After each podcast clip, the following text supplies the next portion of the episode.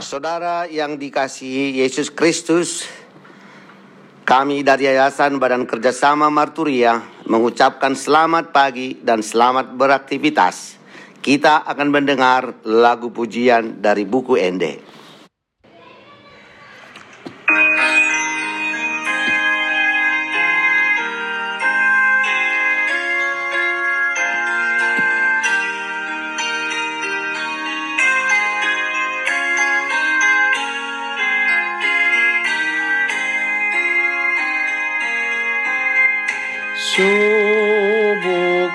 Lubana marsorok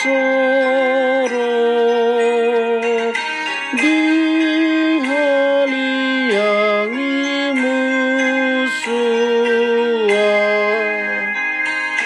hapelau songon api mitok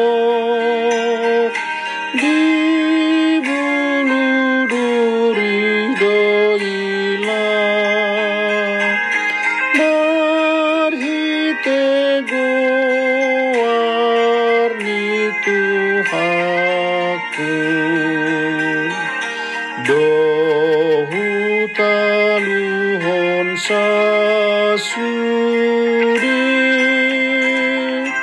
Au na tinggang naing bahenona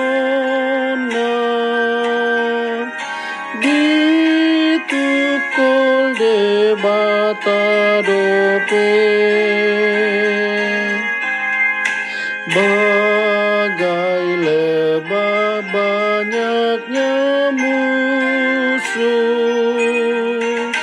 Mengelilingi diriku. Bagaikan api yang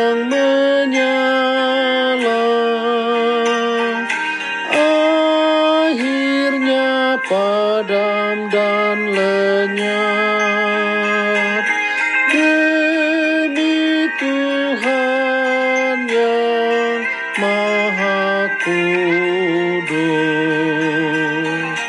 Aku melawan musuhku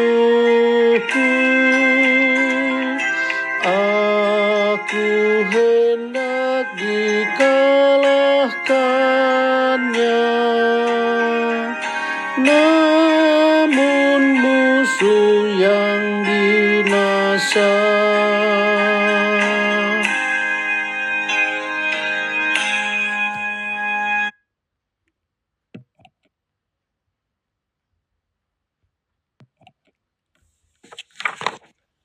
Saudaraku yang dikasihi Tuhan Yesus Kristus, sebelum kita mendengarkan firman Tuhan, mari kita berdoa. Allah Bapa di sorga, yang kami sembah, yang kami puja, yang kami muliakan, kami bersyukur atas kasih setiamu yang menyertai kami.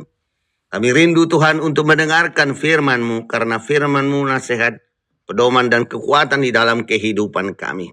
Berfirmanlah engkau Bapa, kami siap mendengar. Di dalam nama Yesus Kristus kami berdoa dan bersyukur. Amin. Saudaraku, adapun firman Tuhan yang kita renungkan di pagi hari ini, di- didapat di Ibrani 13 ayat 6. Demikianlah firman Tuhan. Sebab itu, dengan yakin kita dapat berkata, Tuhan adalah penolongku, aku tidak akan takut. Apakah yang dapat dilakukan manusia terhadap aku? Demikianlah firman Tuhan dan tema kita, Tuhan adalah penolongku. Saudaraku yang dikasihi Tuhan Yesus Kristus, Nats ini menyadarkan kita bahwa kita adalah manusia lemah.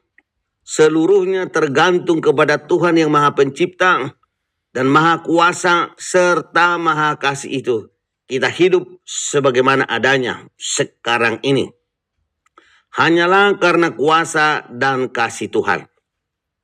Dialah penolong dan benteng pertahanan kita. Oleh sebab itu, bila Tuhan pencipta langit dan bumi yang akan memelihara kita, kita tidak perlu takut dan khawatir. 1 Petrus 5 ayat 7. Kita tidak perlu takut menghadapi begitu banyak tantangan. Karena Tuhan turut bekerja dalam segala sesuatu untuk mendatangkan kebaikan bagi mereka yang mengasihi dia. Roma 8 ayat 28. Saudaraku, renungan ini mengingatkan bahwa orang yang sungguh-sungguh percaya akan mengalami kehadiran Tuhan yang penuh rahmat di dunia sampai kehidupan kekal. Kita bisa belajar dari Paulus. Kehadiran Tuhan dalam hidupnya membuat Paulus tetap belajar untuk fokus dalam pengutusan Tuhan. Meskipun dia miskin dan menderita. Dia tetap ikhlas di setiap situasi dan keadaan apa pun asalkan dia dapat menghasilkan buah. Saudaraku, itulah seruan ayat ini bagi kita. Jangan takut kepada manusia yang tidak dapat melakukan apa pun terhadap kita tanpa persetujuan Tuhan penolong kita. Bahkan Tuhan bisa membuat semua yang dilakukan manusia terhadap pengikut-pengikut Kristus menjadi kebaikan bagi umatnya. Inilah yang menjadi alasan bagi kita orang Kristen untuk tetap berpuas hati dengan keadaan kita dalam melakukan pengutusan Tuhan untuk menjadi garam dan terang dunia.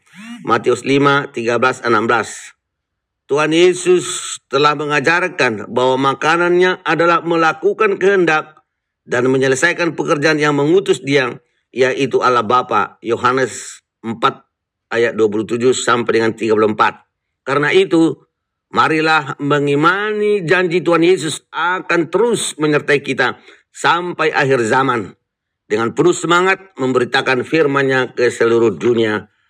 Amin. Mari kita berdoa.